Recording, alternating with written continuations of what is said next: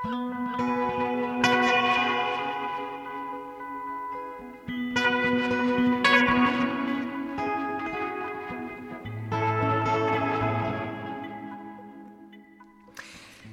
sæl og blessuð við sjá heilsar ágættu hlustendur á miðugudegi 20. og 8. oktober sólarklenna í Reykjavík í dag. Joko Ono, John Lennon, Alheims friður, tre, rafrænar óskir um betri heim á meðalefnis í Víðsjá í dag en einnig vefnaðarlist í listasafni Íslands svo sem eins og 500 dagar af regni og nýjar íslenskar þýðingar. Viðsvegar um heiminn standa tré sem eh, hægt er að hengja óskir sínar á. Þegar trén eru orðin yfir fulleru óskirnar sendar til Yoko Ono sem svo sendir þær aftur í áttað friðar súlunni. Þaðan sem þeim er varpað til heimins með óskum alheims frið í minningu Lennons.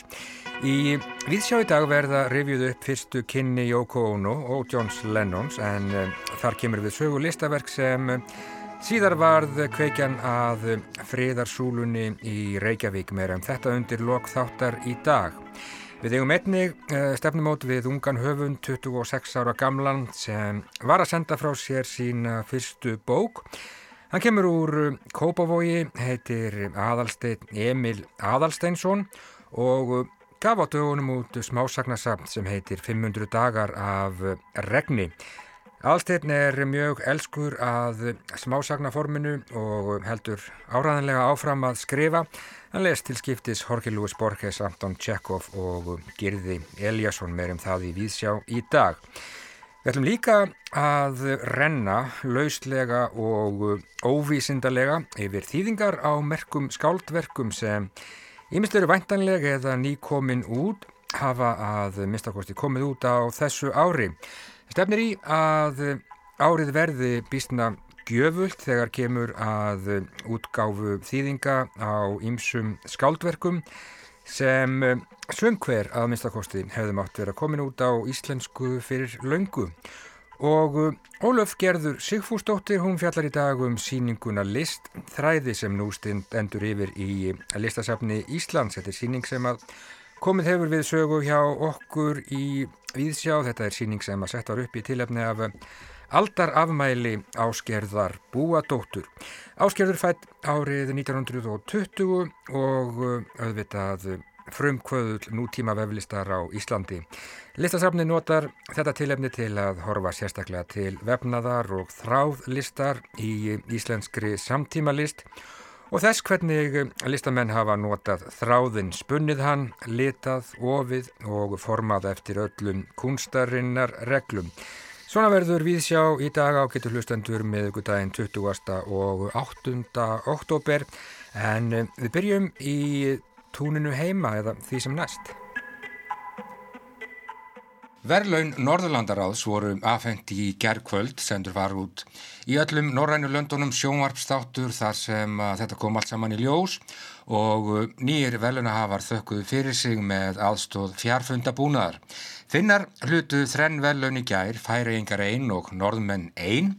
Útsendingin í gær var engar vel hefnuð, Ísland var þarna í örlittlum brennideppli við nutum tónlistaratriða með vikingi heiðari Ólafsinni sem spilaði Ramó af mikilli innlifun og um, hljómsveitinni of Monsters and Men auk þess sem að um, íslenski dansflokkurinn let ljósitt skína á milli trjána í ónemdum skógi. Það var Finnlands sænski rítumundurinn Mónika Fagerholm sem hlaut bókmæntavölun Norðurlandaráðs af þessu sinni en Þau eru eldstu verðlaun Norrlandaráðs fyrst afhengta árið 1962. Átta íslenskir réttöfundar hafa fengið þessi verðlaun nú síðast eh, auður af Ólafstóttir fyrir skálsöguna ör árið 2018. Mónika Fagerholm hlýtur verðlaunin fyrir skálsöguna Vem dödaði Bambi, bók sem fjallar um hópnöðgun í útkverfi Helsingfors þar sem ekki er einblind sérstaklega á fórnarlampið heldur hinn að segu Þessum á undan er gengið og atbyrðarásina sem fylgir í kjölfar nöðgunarinnar. Bók sem domlemdin segir kræma af orgu og hófstiltum siðferðis bóðskap.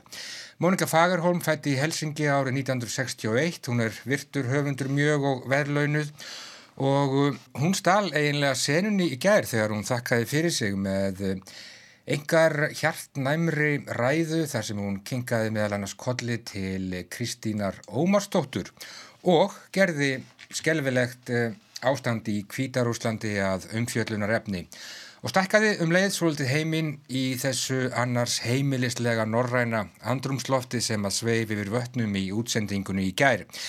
Vonandi fáum við fljótt og vel íslenska þýðingu á þessu verki, bókinni eftir Móniku Fagerholm, hún er skilst mér ekkert selja laungrétt, ríflega 200 blaðsýður. Um allar bækurnar sem tilmyndar voru til bókmúntaveluna Norðurlandaráðs var að venju fjallað hér á ráseitt í þætti Jórunar Sigurdardóttur orð um bækur. Og um, þess má ég leðinni geta að sáþáttur verður frá með öðrum degi november mánadar frumfluttur á mánudögum klukkan þrjú. og um, síðan endurtekin á laugardögum á sínum gamla tíma.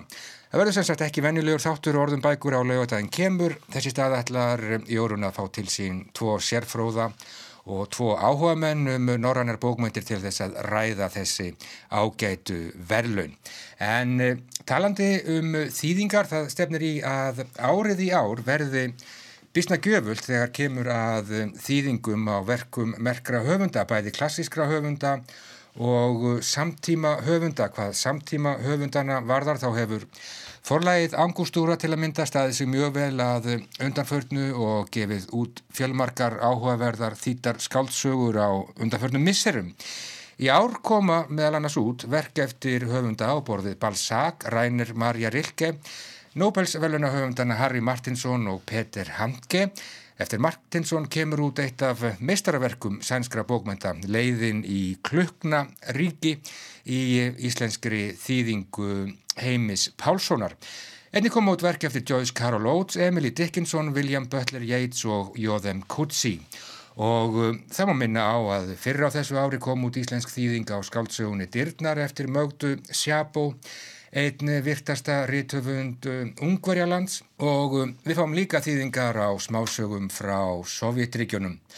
Og ekki má gleyma henni glæsilegu rítröð smásögur heimsins en um, síðustu tvö bindin í þeirri röð komu út á þessu ári smásögur frá Norður Ameríku og Evrópu einhver lofsvert framtak það. Ég er öruglega að gleyma einhverju og kannski er það bara gott en það vekur aðtikli hversu Vel, hinn smærri forlög standa sig í útgáfu á þýðingum skáldverka, ég nefndi ángustúru hér á þann, en eh, einni mætti nefna uglu, skruttu og dimmu og eflaust einhver fleiri. Og þetta kuð vera alþjóðleg þróun að uh, það eru ekki síst litlu útgáfurnar sem sinna því mikilvæga starfi að gefa út þýðingar á merkum skáldverkum frá öllum tímum. En lesendur verðast allavega eiga gott í vændum þegar kemur að þýðingum á verkum sem sumkver að minnstakosti hefðu mátt fyrir lungu vera komin út á íslensku. En talandi um nýjar bækur við ætlum þessu næst að huga að nýri bók eftir Kornungan Höfund. Hann er 26 ára gammal og kemur frá Kópavói og hefur frá unga aldrei ætla sér að verða réttöfundur átti það með að segja til að skrópa í mentaskólanum í Kópavói á sínum tíma til að fara heim og skrifa. Halla Haraldóttir satt í gæri á mokka í mestu makindum með Orra Jónssoni ljósmyndara.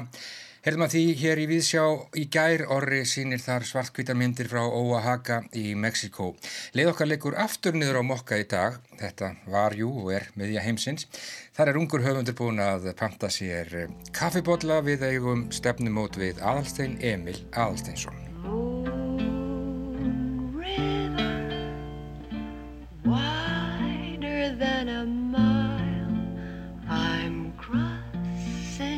You in style someday. Hæ, er ég sveit? Er það? Ég var að leita stæði. Að sama vandamáli. You're going, I'm going your way Ertu fastagestur hér? Nei, nei, hún er ekki komið. Nei, ég, ekki, ég held ég hef komið hérna einu svona áður. Þú ætti að meina þetta? Já. Það er mér nóg á kaffehúsinu í Kópói. Náttúrulega. En ekki? Jó, kaffetá í Hamaraborginni. Þú fyrir ekki að segja hingað? Nei, akkurat. En það er gaman að koma hingað, þetta þetta er sögufrækt. Ég kem að sjá oft hingað, mjög því, sko. Nei, akkurat. Meira á.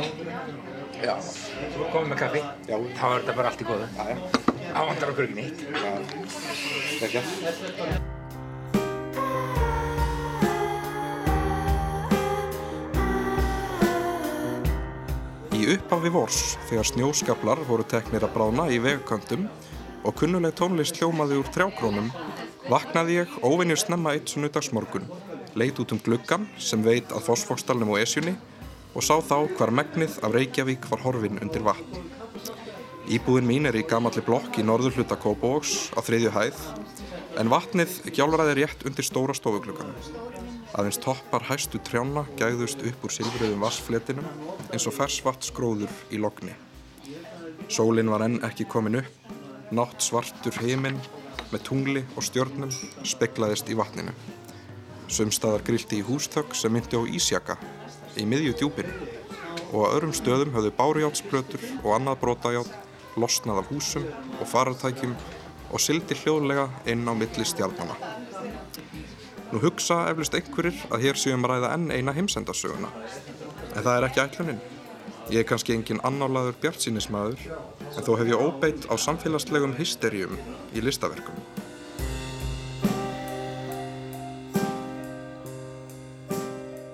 Já, ég er komin hinga niður á Mokka í miðborg Reykjavíkur og uh, það er nú bara nokkuð vel þétt setinn bekkurinn hér og, og síðan fólk ekkert endilega verið að virða tvekja metra regluna en, en við þjá Ríkisútarfinu gerum það svo sannarlega. En ég er búin að mæla mér hérna mót við ungan höfund sem að heitir Aðalstein Emil Aðalsteinsson. Hann var að gefa út bók smásagnarsap sem að heitir 500 dagar af regni. Þetta er bók sem að kemur út hjá bókaforleginu Dimmu. Aðalstein hann fekk nýræktarstyrk uh, fyrir þessa bók fyrir á þessu ári eða fyrir handritið af þessari bók réttar að sagt Um, Alþið, þú ert að skrifa um uh, já, margskonar þemu. Þú sagðir í staðar að þú væri að skrifa um hinnar myrkuhliðar mannsálarinnar það er þarna það eru þarna benskusögur og þú ert að skrifa um sektarkend og svolítið um grimd og svona veltaði fyrir hvort að, hvort að við fæðumst saklaus nú eða ekki, hvort að sé svona einhver grimd í okkur öllum. Eh, þetta eru sögur sem gerast bæði hér á höfuborgarsvæðinu, í Kópavogi, Fossvogi og svo líka í Þorpi úti á landi. Mm, segðu mér eins frá því hvað, svona, hvað þér var eftir í huga þegar þú varst að, varst að skrifa þetta?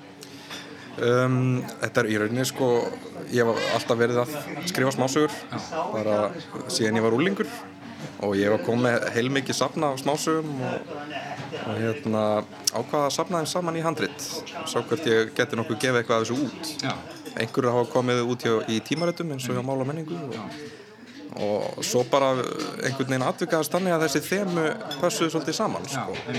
Það er svona þematenging í gegnum, gegnum bókina. Já, Já. það virðist vera svolítið þannig. Rauður þráður. Algjörlega, rauður þráður.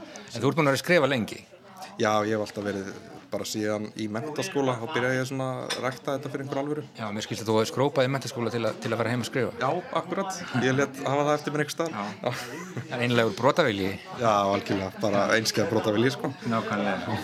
Um, Þessi bók er sko, hún er svona um, þó að hérna, þessi undirleikjandi svona, já, ég veit ekki, ógn eða, eða svona einhver stór mál um, já, einsagan fjallar nú bara hreinlega um, um já, einn, ábygglega tvær eða þrjár frekar um döðan sjálfan um, skrifar þarna til dæmis um, um gamlan mann sem er sagaður um, að ástæðu lausu um kynferðisofbeldi og það fer ekki vel uh, skrifar þarna um ungan dreng sem að veikist af uh, krabbameini en uh, það er um leið svona ákveðin tótni í þessum sögum sem er um, hvað maður að segja kankvís eða, eða svona lætur manni já það er svona ákveði hérna þægilegt andrúmsloft, verði að segja. Já, takk fyrir það. Ég er svona að reyna að þrúa lesandarum kannski ekki ómikið með Nei, sorg og harmi. Kannski óþunglindislega lýsing á mér. Já, já, nákvæmlega. Nei, en, en auðvitað er þetta svona augljóst, eða hvað segir maður, ábyrrandi þema í bókinni. Það er, það er einhver yfirvóðandi óg og dauðin er kannski nálagur á, og gefur kannski á á ýmsan hátt fram Já. og já, þannig eh, það verist kannski vera bara eitthvað sem er mér hugleikið sko, þess að ég hafi endilega átt að með á því sjálfur. Nákvæmlega. Og hérna, já, ákveðin einmannleiki í þessu líka, það hérna mjög skemmtileg saga sem að heitir Bíókvöld, þar er maður sem er búinn að brjóta nokkur skip líklega og hérna fyrir heitinn farinn, fókin út í veður og vind og hann kynnist þarna gömlu manni á áttræðus aldri sem að dúkar upp hjá honum með, um, ég man ekki hvort það er bónuspóki eða, eða eitthvað annað sem er fullur af, af myndum eftir Alfred Hitchcock og þeir horfa á þetta saman og þú orðar þetta einhvern veginn þannig að þeir hafi, þeir hafi saminast í einmannleikanum. Já, það er svolítið þannig. Þarna mætist ungu maður, eða svona, kannski maður á mínum aldri og, og gamall maður sem eiga sér einhverja fortíð sem kemur kannski ekki endilega fram en, en svo er þessi gamli maður ekki allur sem hann er séður. Hann er svona, ja, það er eins og hann viti eitthvað meira en, en ungi að segja endilega á, sko. Dúkar þarna upp er það ekki með breakfast at Tiffany's Jú, jú. Já. Algjörlega. Moon River og svo framvegis Já, Moon River, akkurat. Það hérna, er svolítið, það er svolítið, þegar, eh, hvað segir maður, stef þarna, bókstaflega. allt handan við búðuna Já, hann það.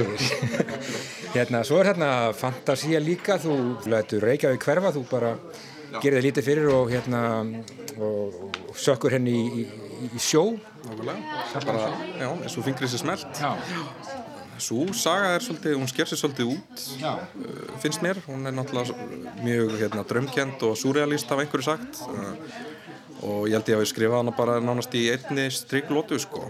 Ég, hérna, ég býð þarna við fósforstalinn og ég horfði yfir og það voru einhverjar rattir á lofti um lofslagsbreytingar og allt það og óneittalega hefur það áhrif á mann. já þú látið vaða og fyllt alltaf sjó Já, gondólum algjörlega. Það voru komna gondólur og allt rosa friðsælt. Kannski ekki eins og það yrði í raun og veru. Nei. Þeir þarna, um, gamli maðurinn og ungi maðurinn, þeir horfa saman þarna á, á Hitchcock myndina Strangers on a Train. Ertu, ertu mikill Hitchcock maður? Já, ég er nefnilega mikil Hitchcock-maður. Já, algjörlega. Ég bara, ég var mikið dálætt á Hitchcock og hef búinn að sapna að mér D.O.D. myndum eftir hann. Þannig að já, það var ekki, ég þurfti ekki að sækja það langt hérna hugmyndina af þeirri sögu. Nei.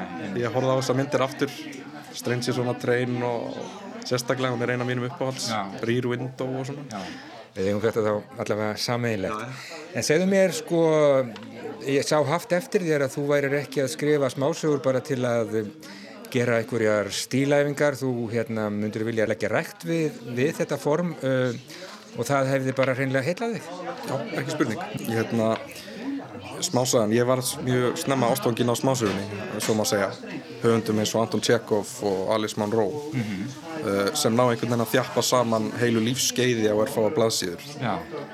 Og ég held að það veri Jorge Luis Borges sem sagði að bara það væri, sögur þyrfti ekkert að vera lengra en, hvað, nokkra fjóra? mættu helst ekki vera lengri. Já, bara mætti það ekki sko, þá var þetta bara orðna málalengingar og þótt ég sé ekki kannski alveg þar en, en hérna ég er mjög heillar af því að, að þjappa þessu svona miklu efni saman í hérna lítinn texta. Bara eins og, og Íslandingasögurnar eru líka margar sko. Já.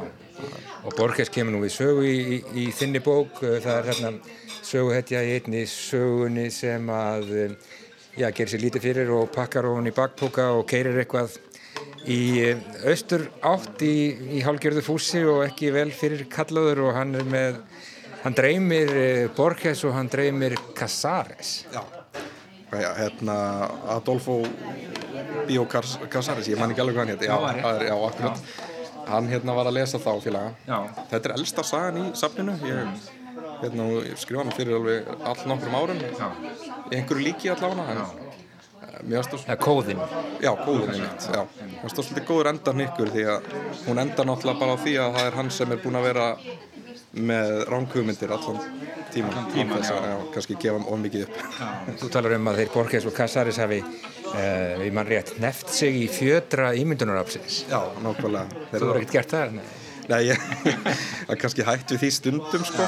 Að svona, ég veit ekki hvert að sé hérna bölvun reytuundarins að að týna svolítið inn í eigin veröld, sko. Hættu því. Það er hætt við því, sko. Já. Eh, Þú minnist á Anton Tjekov, hann nú sennilega, var nú sennilega besti smásögnar höfundur í heimi bara, er það ekki? Jú, algjörlega, ég er alveg að samla því. Hann gaf dónin fyrir þessa nútíma bara, Svo glittir nú þarna í mann sem heitir Girður Eliasson. já, ég get nú ekki neita því.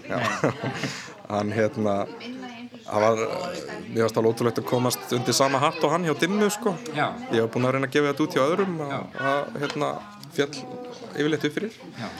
En svo var það Dimma og hjá, einmitt, hjá honum aðalsteini og, og gerði þið sjálfum sem er náttúrulega einn af mínum helstu fyrir, fyrirmyndum í þessu.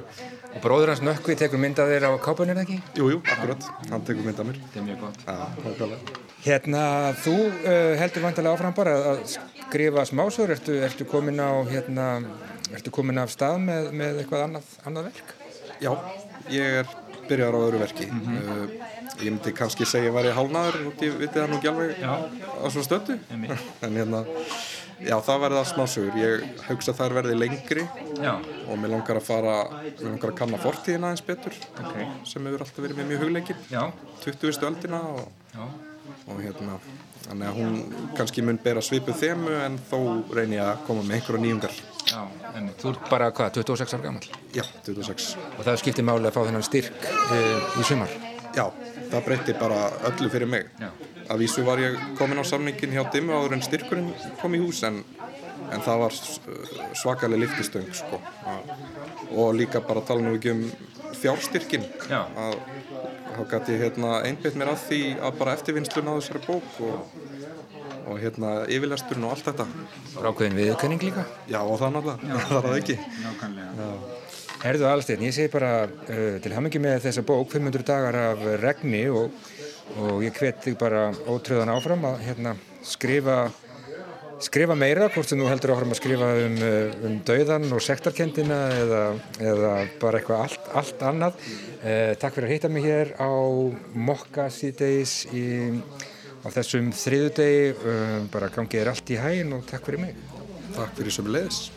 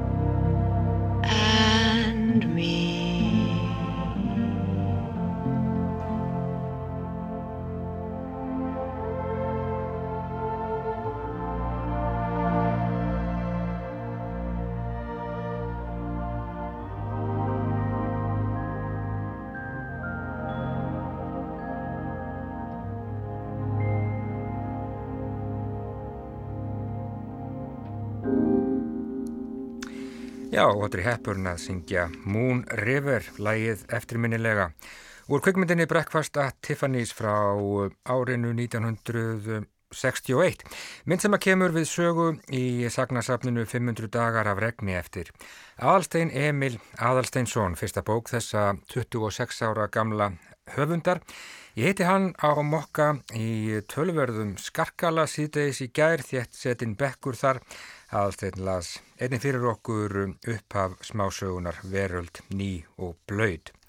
En e, þá ágættu hlustendur hugum við að myndlist við fjöldum hér í Víðsjá í síðustu viku um síningu sem að heitir Listþræðir og stendur nú yfir í listasafni Íslands. Þetta er síning sem að sett var upp í tilefni af aldarafmæli Áskerðar búadóttur, tilefni nota til að horfa sérstaklega til vefnaðar og þráðlistar í íslenskri samtímalist og þess hvernig listamenn hafa notað þráðin spunnið, hann litað, ofið og formað eftir öllum kunstarinnar reglum í gegnum tíðina. Markir listamenn sem að eiga þarna verk á þessari fjölbreyttu síningu Óluf Gerður Sigfúsdóttir, hún brá sér í listasafn Íslands um helgina. Það var kærkomið tækifari að fá að bregðin fæti á listasafn Íslands á vindasömmum og heldur nöbrum lögadegi nú þegar flest söfn hafa lokað í samkomabanni. Á safninu kennir Ímessa Grasa en fimm ólíkar síningar eru yfirstandandi í safninu um þessar myndir. Í þessum pistli ætla ég að rýna í eina þessara síninga, Listþræði, sem opnaði í september síðastlinum og stendur fram í janúar á næstári. Reyndar hafði ég uppalega alltaf meira fjalla líka um síninguna Solastalgia, stóra innsetningu í gagn auknum veruleika sem að útlægst á ennsku Augmented Reality. En hvort sem það var vegna óljósra leiðbynninga eða tæknivandamála, þá náði ég ekki að upplefa verkið til fulls og því verður umfyllin að býða þanga til að ég hef gert aðra aðrinu að verkinu. En þá að listráðum. Það var eitthvað við yfirbráð og umgjör síningarinnar sem gerði það verkum að ég fann stert fyrir því að ég væri stött inn í þjóðarlistasafni. Nokkuð sem fjekk mig til að velta fyrir mér hlutverki Listasaps Íslands meða við önnur myndlistasöfni í landinu. Listasafn Íslands er eitt af fáum söfnum sem eru í ríkisegn, svo kallað höfusafn á sviði myndlistar, sem setur það í flokk með þjóðminnasafni Íslands og náttúruminnjasafni Íslands hinnur tveimur höfusöfnunum í landinu. Sem slíkt ber sapni ríkari ábyrð en önnur söfn þegar kemur að því að sapna íslenskri myndlist, varveitana, skrásetjana, rannsaka og miðla til almennings. Sýningin Listþræðir talar beint inn í þetta hlutverk og tekst vel að uppfylla það þótt hefðið mátt ganga lengra í vissum atriðum sem ég kem að hér á eftir. En Listþræðir er yfirgripsmikil síning um sögu og þróun tekstilistar hér á landi. Tekstilistin er marglega listgrein með langa sögu og fjölda ólíkra aðferða en eftir gróskumesta tímabilið á 8. og 9. áratögnum má segja að þrálistin hafi gengið í endur nýjun lífdaga með auknum áhuga yngri listamanna á þræðunum sem efni við á síðustu árum. Verkin á síningunni er um 60 talsins og spanna 60 ára tímabil. Það elsta frá árinu 1958 og það yngsta frá 2018. Það sem stendur upp úr við skoðun síningarinnar er kvenleg narvera, mýkt, ótrúleg færni og vald yfir bæði aðferðum og efnum og afar sterk efniskend. Þarna eru verk sem byggja á handverki fyrir tíma og viðhalda þannig menningarlegri arfleið í samtímanum. Verk sem stúdira eiginleika þráðarins og leika sér með form, flæði, fléttur og hrinjandi og verk sem fara út fyrir vefstólinn og sprengja upp ramma í eiginlegri sem óeiginlegri merkingu. Þá er feminist sjónarhorn viðvarandi gegnum alla síninguna þar sem gaggrínin lestur á stöðu kynjana sem á stöðu náttúrunar eru endutekinn stef í gegnum síninguna. Sýningin er sett upp í tilefni aldar afmælis áskerðar búadóttur frumkvöðuls á sviði nútíma veflistar hér á landi. Verk áskerðar eru rauður þráður í gegnum síninguna og greina má áhugavert samtal millir þeirra og annar verka hvort sem þau eru eftir samtíðakonur hennar eða nýri verk. Framlag áskerðar til íslenskrar myndlistar var mikið en fyrir það var hún sæmt fálkaorðunni árið 1993. Hún rytti breytina í að koma veflistinni á stall með viðurkendri myndlist hér á landi á 8. áratögnum sem fram að því hafi verið álitin nýtjalist eða skraut sem tilherði fyrst og fremst heimilinu frekar en hennun ofinbæra sviði listana. Þetta gerist um svipaleiti og uppgangur kvennarhefingarinnar er að eiga sér stað en mörgverkan eru einmitt innlegg í þá baróttu og þannig rammar síningin sögu tekstilistarinnar inn í starra samingi samfélagsstróunar. Sýningin situr vel í síningasölunum tveimur á efri hæði sapsins sem standa anspænis hverjum öðrum og kallast á yfir gangin. Þannig myndast til dæmis skemmtilegt samtal melli ingangsverkana tveggja í sitt hvort salin, Mósabarð Nínu Gautadóttur frá 1976 og Right Brain eftir Hrafnhildi Arnardóttur Sjópleftir frá 2005 sem jáfnframt er nýjasta verkið í safnegninni. Sýningin er litrík, lærdomsrík og afar áferðafalleg og það fer mikið fyrir efnisleika og efniskjönd í henni. Maður fær tilfinningu fyrir vinnu handana, tímanum sem fer í að gera hvert og eitt verk, nákvæmninni, færninni og þólimaðinni. Svo mikið að mann langar til að tegja út hönd og þreyfa verkunum, ég vil þefa af þeim. Þarna eru tvíðið verk sem stökka fram eins og skúltúrar af veggjum, verk sem unnin eru úr ull, bómull, rosshárum, mannshárum, fiskigarni, plasti og vír, abstrakt verk, figuratíverk og vídeoverk, hekluverk, ofunverk, útsömuðverk, krossemsverk, stafrætnvefnaður, umhverfisverk og starri innsetningar. Mörgverkana eru eftir konur fættar fyrir 1950 og sumar hverjar hafa ekki fengið viðegandi sess í listasögunni hinga til en sérstaklega var gaman að sjá verka eftir Kristjánu Jónsdóttur frá Munkaþverá, Hildi Hákunadóttur og auðvitað Áskeri sjálfa en einni fannst mér gaman að uppgöta verk eldri listakvenna og upplifa þau í samingi þessara síningar eins og til dæmis verk Odnjar E. Magnúsdóttur, Vítisar Kristjánsdóttur, Hólfríðar Árnadóttur, Guðrúnar Marinósdóttur og Þorbjörgar Þorðardóttur. Örfáverk Karlkins listamanna á síningunni veita svo áhugavert mótvægi við yfirgnæfandi fjölda kvennlistamanna og veki upp spurningar um kynjaskipting og kynhlutverk ekki bara í samfélaginu almennt heldur einnig í listheiminum sjálfum. Flest verkana er í eigu listasaps Íslands en einnig hefur verið leita fanga í sapkost annara sapna sem á engasöfn til að stoppa í gött sapnegnarinnar. Samkvæmt upplýsingum á heimasíðu sapsins um sapnegnina eru einungist 30 verk af 13.500 í flokki tekstilverka sem segir sína sögu um stöðu tekstilistarinnar meðal annara listgreina. Það er ljóst að töluveri rannsóknarvinna likur að baki síningarinnar sem endur speklast í kerfspundinu og kynjari sögurskóðun, taksta á merkimiðum sem á ígrundari uppröðun verkana í síningarsölunum sjálfum. Verkin eru sett bæði í innra samhengi myndlistasögunar sem á ytra samhengi breyðari samfélagstrúunar. Það sem ég hins vegar sakna og finnst tilherra svona metnaði fullir og sögulega mikilvægri síningu er síningaskrá eða útgáfa af einhverju tægi þar sem þetta innra og ytra samhengi er sauma betur saman við verkin sjálf.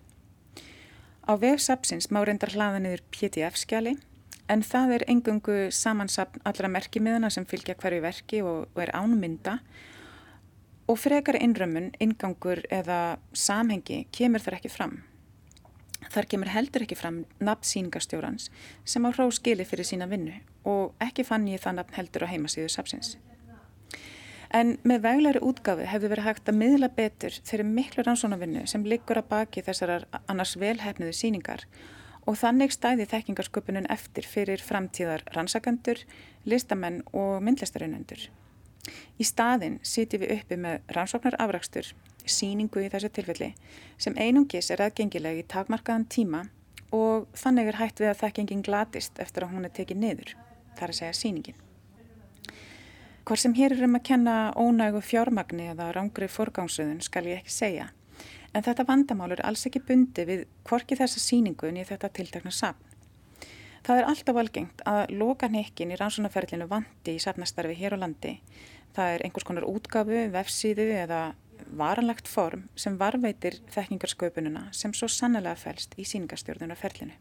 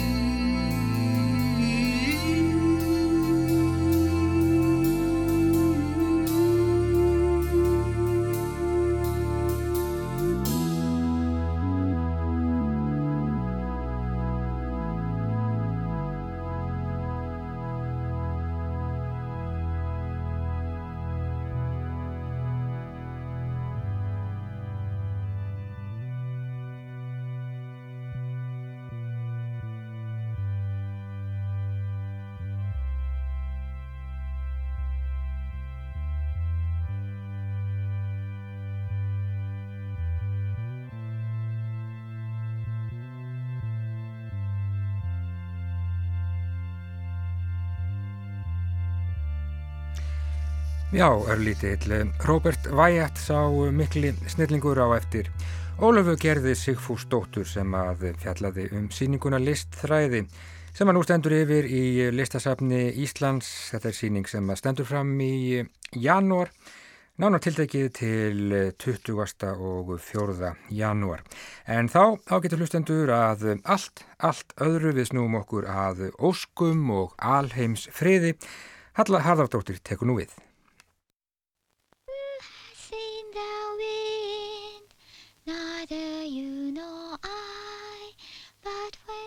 Trees bow down their heads, the wind is passing by. Yoko Ono vakti fyrst aðtegli fyrir verkin sem hún gerði í upphafi sjönda áratugarins. Verk sem að vanalega eru kölluð hugmyndaverk eða konseptverk. Greipfrút eða greip ávöxturinn er eitt af hennar þekktari verkum en það er bókverk þar sem að lesa má fyrirmæli að gjörningum sem að skapa listaverk. Verkin kallar hún Instruction Paintings eða fyrirmæla málverk. Svo hljóðar til dæmis eitt þeirra sem er frá árinu 1961 og sem að kallast Málverk fyrir vind. Kliftu gata á póka sem er fullur af fræjum, alls konar fræjum og settu pókan þar sem er vindur. Fyrirmæla verk og þáttöku gjörningar þar sem að leikleði og óefniskend í anda fluxus hreyfingarinnar eru kjarnin í höfundaverki Yoko Ono. Og óskinn og friðurinn eru leiðarstef í mörgum verka hennar. Sjálf sáðun eitt sinn í viðtali að öll hennar verk væru einhvers konar afleðing óskar.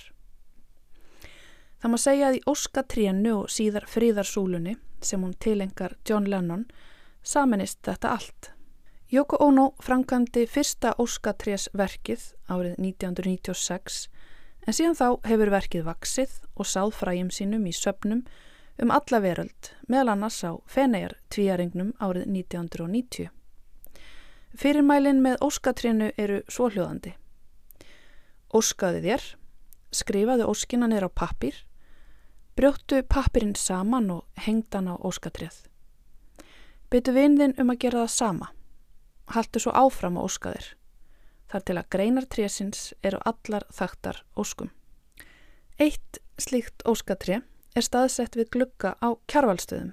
Í dag, á tímum veirunar, er erfitt að fara að fyrirmælum Jóko Óno þar sem að allt er lokað og læst. En það er samt hægt að láta sér dreyma og óska sér rafrænt kíkjum á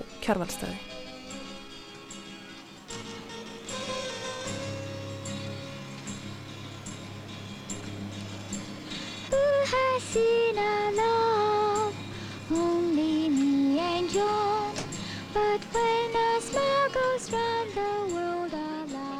Aldís Snoradóttir, verkefnastjóri hjá Lístasafni Reykjavíkur. Við ætlum að spjalla þessum þetta tríja að því að nálgun á verkið er aldrei að breytast núna svona á tímum COVID.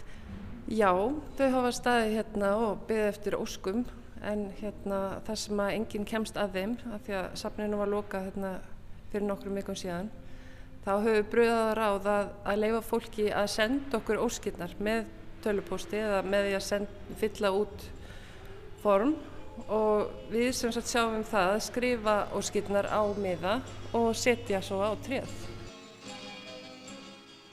Þetta kemur uppalega frá minningu hennar sem barn í Japan en þar fæðist hún, þar sem hún er við bænahús og þar er fólk að skrifa óskir á miða og festa á tré og hún gerir það sjálf.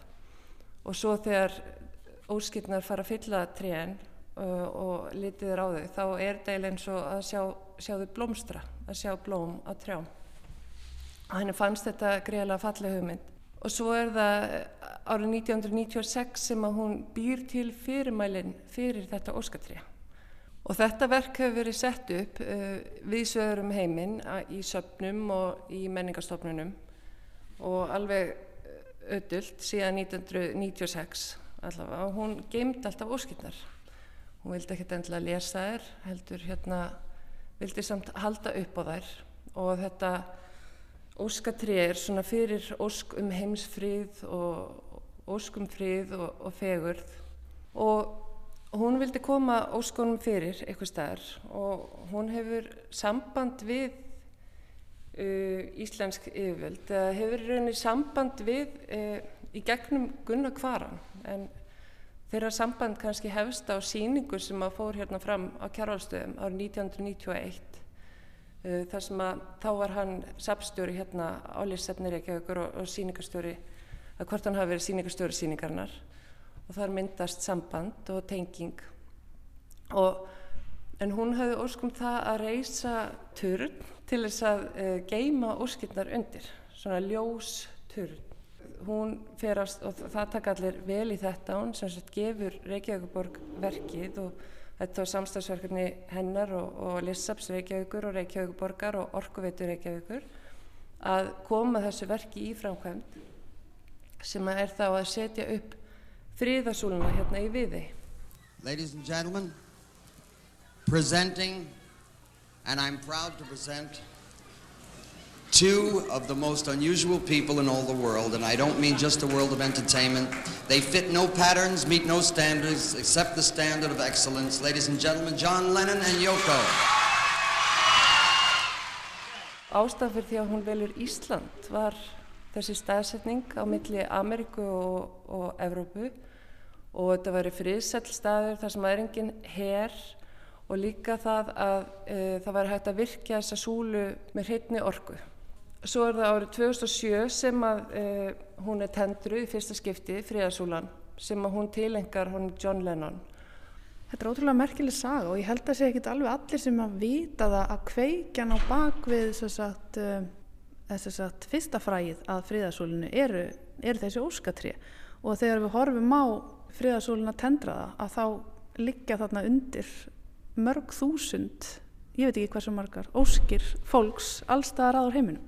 Já, þetta er allavega komið yfir miljón óskir og hann er með töksa þetta þannig að þetta væru allar óskirnar samankomnar og einmitt færu upp með þessari fríðarsúlu og lístu upp í heiminkvolfið. frá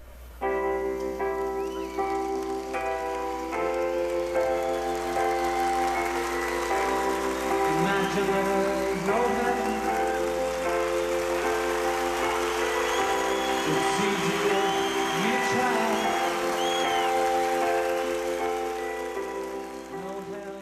þau kynntust þá voru það að berjast fyrir friði og berjast gegn stríðum eða svona með sín, sínum hérna, verkum og gjör, gjörningum. Mm -hmm. og í rauninni hugmyndin að friðarsólinu kemur uppalega frá hérna, fyrirmælaverki sem að Lennon hafði í rauninni heitlast af eftir hana sem heitir Ljóshús. Og hún gerir hérna uppalega árið 1965 og það verkar eiginlega svona uppsprettan að því að, að þeirra sambandi eða hann býður henni heimsókn og, og aðtöður hvort hún geti gert þetta verk fyrir sig. Þetta ljóshús og sem er náttúrulega vonlust fyrir hann að gera. En, hérna, en þá kynast þau og, og hún uh, svona bætir aðeins þessa, þessi, þetta fyrirmælaverk árið 1967 og svona það sem þetta er í rauninni grunn hugmyndin af fríðarsólinni þá þetta er mig gaman að fá að lesa þetta verk, mm -hmm. þetta fyrirmælaverk. Fyrirmælaverki sem varð, sem varð kveikjana því að þau kynnast og verða ástfangin Já, það las ég allavega að það, það er, er kveikjana því að hann býður henni heimsótt til sín til að spurja hana um þetta verk. Hún held fyrst að hann væri að fara í eitthvað partí eða eitthvað en þá er hann að spyrja hann um þetta verk. Hann hafi séð þetta verk, hafi fylst með listinnar og hérna heitlast að þessari hugmynd.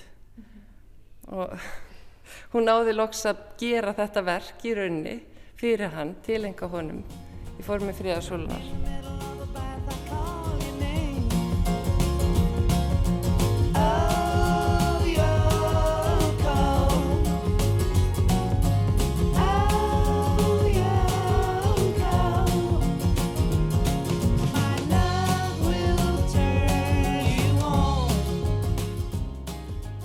Ljóshús.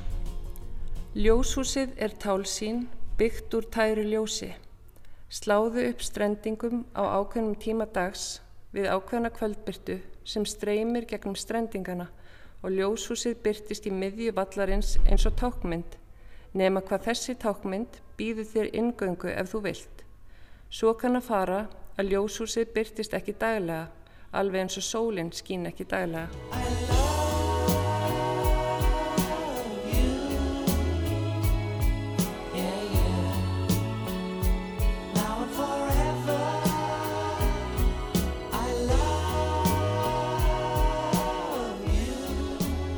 Óskatriðan hafa verið sett upp viðsvegar um heiminn og þetta eru fyrirmælaverk þannig að hver stopnun eða hver staður sem að setja það upp gerir það bara sjálft.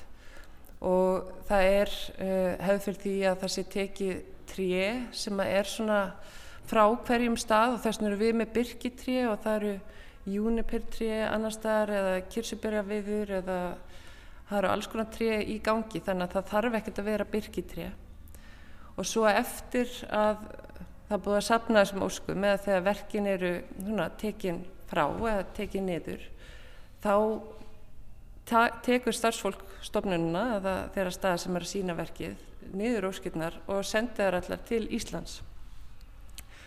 Við sendum það séðan til hérna Jóko í New York sem að það sem að teimi skannar þetta inn og við fáum þetta í stafrænu formi sem er komið svo undir fríðasóluna. En Fríðarsúlan, um, hún er í rauninni í forminu eins og óskabrunnur. Þegar maður fer þarna út í eigi og sér hana þegar hún er ekki tendruð, þá er þetta eins og brunnur og með hvítu, hvítum flísum í kring þar sem að stenda orðin hugsa sér frið eða imagine peace á 24 tungumálum.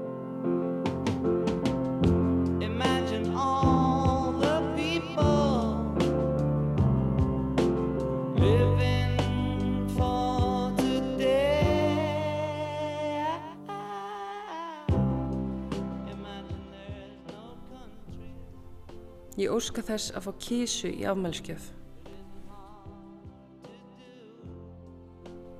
I wish we were allowed to hug our families again soon.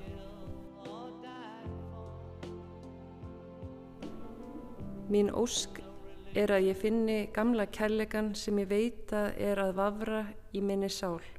Ég man líðanina, með langar í hana aftur, skilirislaust, fyrir mig og alla. For the other half of the sky.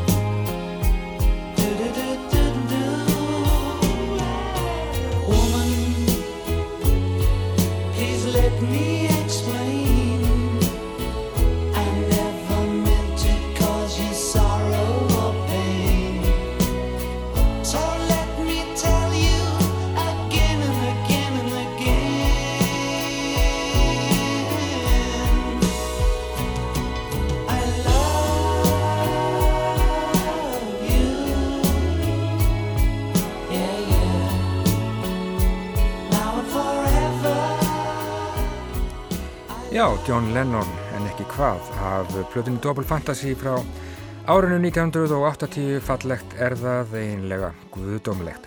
Það var Halla Harðardóttir sem að rýri þarna á mið þeirra Yoko Ono og John Lennons og rætti þarna við Aldísi Snorradóttur hjá listasafni Reykjavíkur.